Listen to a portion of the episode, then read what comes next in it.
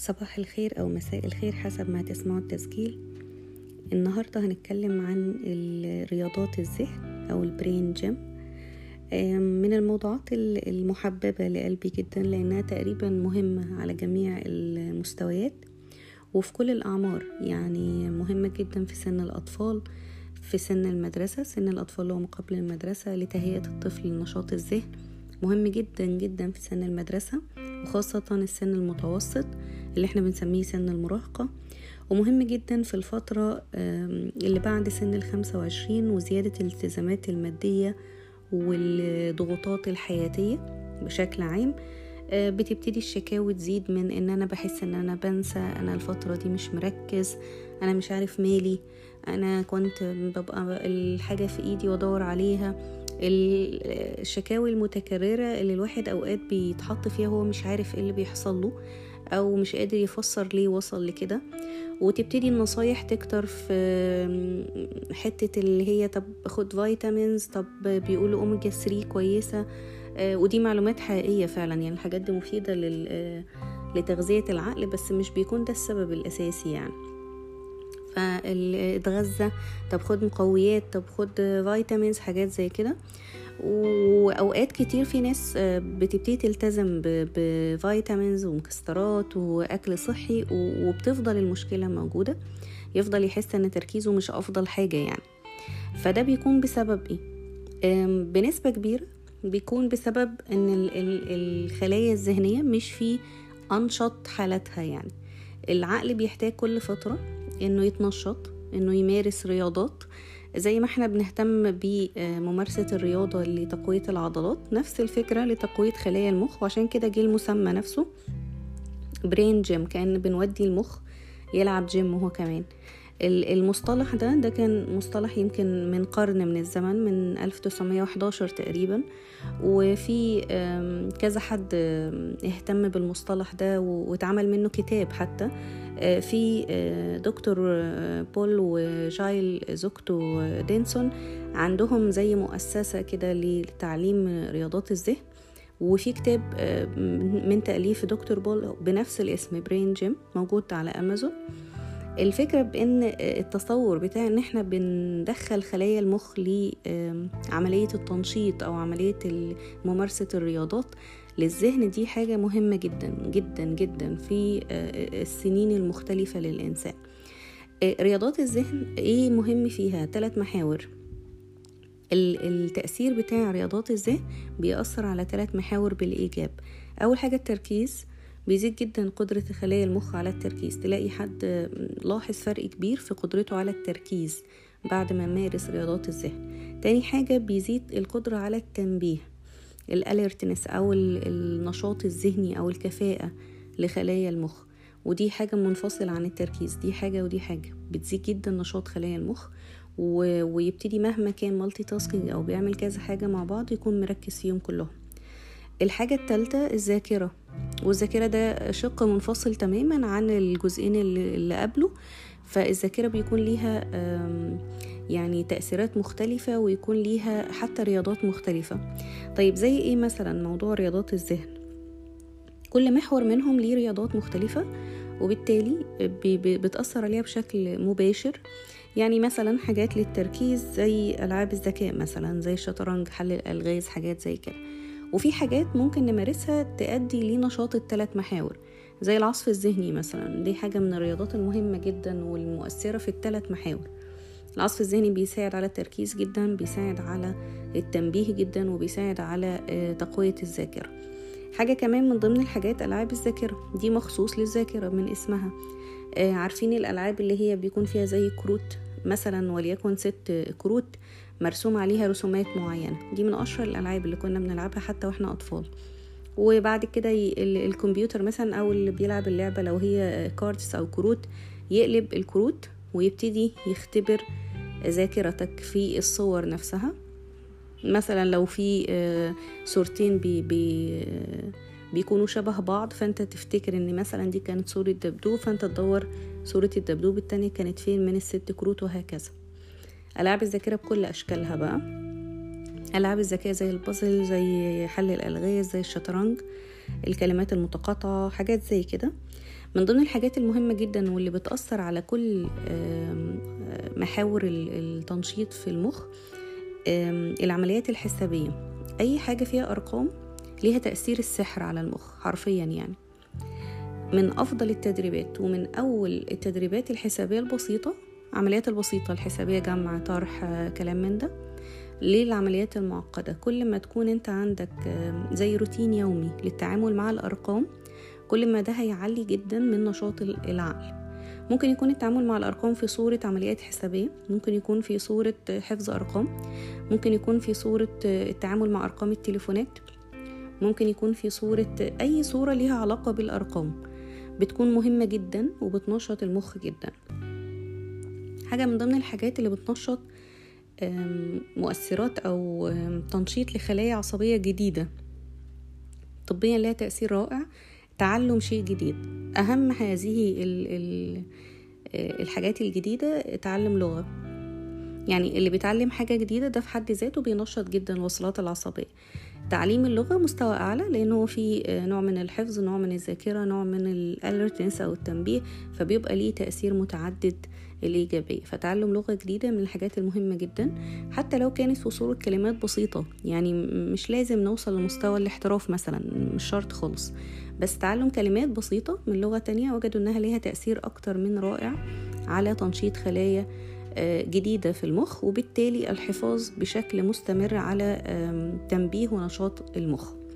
حاجة من ضمن الحاجات المهمة برضو جدا العبادات. في كل الأديان في جزء ليه علاقة ب التعبد بالحفظ. يعني زي مثلا في الدين الإسلامي عندنا في حفظ القرآن نوع من التعبد.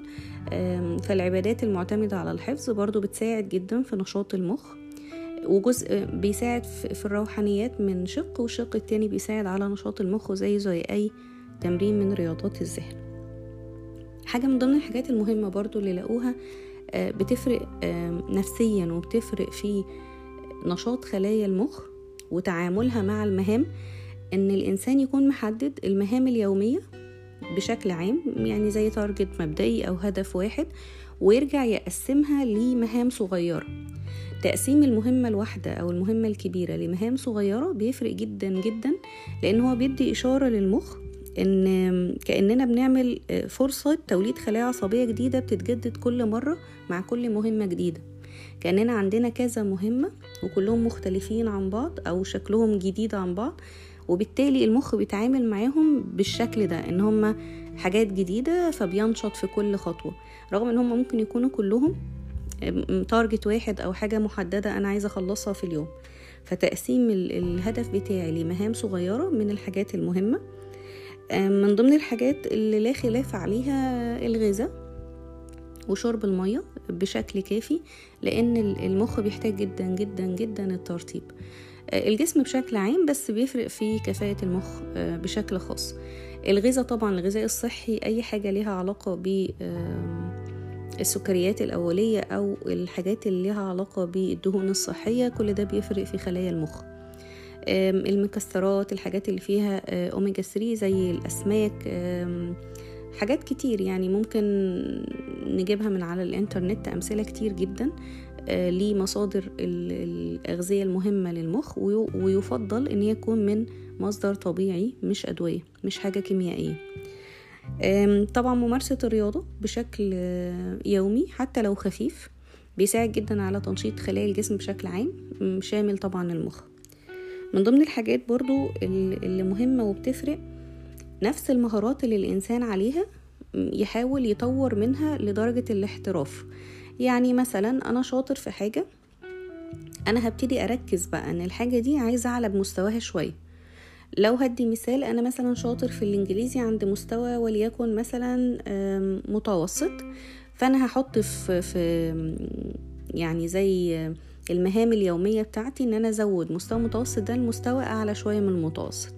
بدون ما يكون ده مطلوب مني بشكل مباشر يعني أنا اللي بعمل لنفسي ده. فكرة تطوير المهارة نفسها اللي أنا فيها ده بيحفز جدا خلايا المخ بشكل جميل جدا وبيساعد على خلق وصلات عصبية جديدة. فده برضو تأثيره على المدى البعيد للذاكرة ولنشاط العقل ممتاز.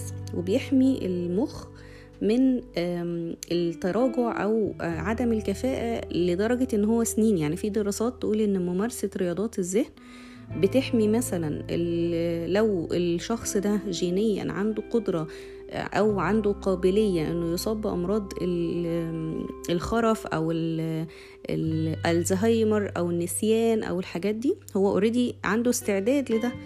تعلم رياضات الذهن وممارستها بشكل مستمر بيساعد على تأخير الإصابة بحاجة زي كده أو التعرض لحاجة زي كده. ممكن توصل لخمس سنين. في دراسات بتقول إن الموضوع ممكن يوصل لخمس سنين حماية للي بالفعل عنده قابلية لده. تخيل لو إنسان شوية ما عندوش القابلية لدي هو تقريبا بيديله حماية كاملة. فدي حاجة برضو مهمة جدا. من ضمن الحاجات بعد موضوع التطور تمارين الاسترخاء. زي بالظبط يعني نظرية الأون والأوف بتاعة الأجهزة الكهربائية. طول ما أنا عندي أي جهاز لو أنا مشغله طول الوقت على الأون هيتحرق. فنفس الفكرة في المخ. أنا محتاج أتعلم مهارة إن أنا زي ما أنا بنشطه جدا بمارس عليه رياضات معينة عشان يفضل أون على طول لازم أكون عندي المهارة إن أنا أخليه أوف عشان يفضل بكفاءته ويستمر معايا من غير ما يعطب في النص أو يتأثر. ففكرة تمارين الاسترخاء هي اللي بتساعدني على موضوع الأوف إن أنا أريح خلايا المخ إن أنا أدخله في حالة من الاسترخاء التام.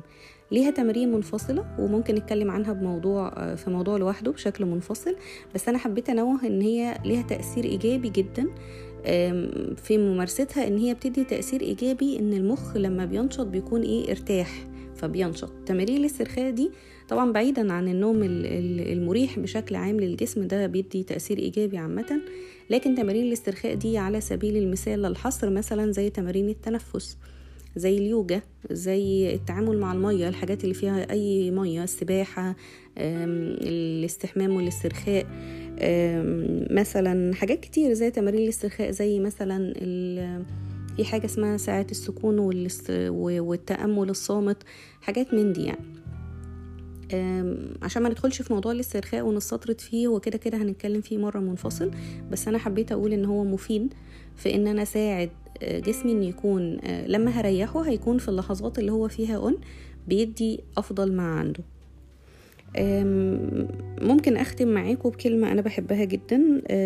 كانت نصيحة لبروفيسور ياباني. كان دايما يقولك عشان توصل بعقلك لآخر عمرك وهو في أكفأ حالاته خليك فاكر دايما إن أنت تحافظ على مخك نشيطا دائما. فدي النصيحة اللي إحنا ممكن نختم بيها على قد ما تقدر حافظ على مخك نشيطا دائما. خلي المخ دايما في حالة من النشاط والحيوية وممارسة أي شيء. كل ما تستخدم خلايا مخك كل ما أنت تحافظ عليها أطول مدة ممكنة. كل ما تدرب خلايا مخك كل ما أنت تاخد منها كفاءة ونشاط و يعني حفاظ على لياقتها العامة وأكفأ ما عندها مدة طويلة جدا. بنشوف ناس ما شاء الله عندهم قرب التسعين سنة وقرب المية سنة ولسه بوعيهم ولسه بأدائهم العقلي أو الذهني الصافي الرائع. وفي ناس أصغر من كده بكتير يعني ممكن يكونوا على مشارف الستين على مشارف حاجة وستين سبعين. ورغم كده يبتدي أعراض النسيان واضحة جدا أعراض عدم التركيز واضحة جدا. فالواحد بيكون مستغرب يعني في فروق فظيعة يعني وناس عايشين نفس الظروف نفس الضغوطات تقريبا.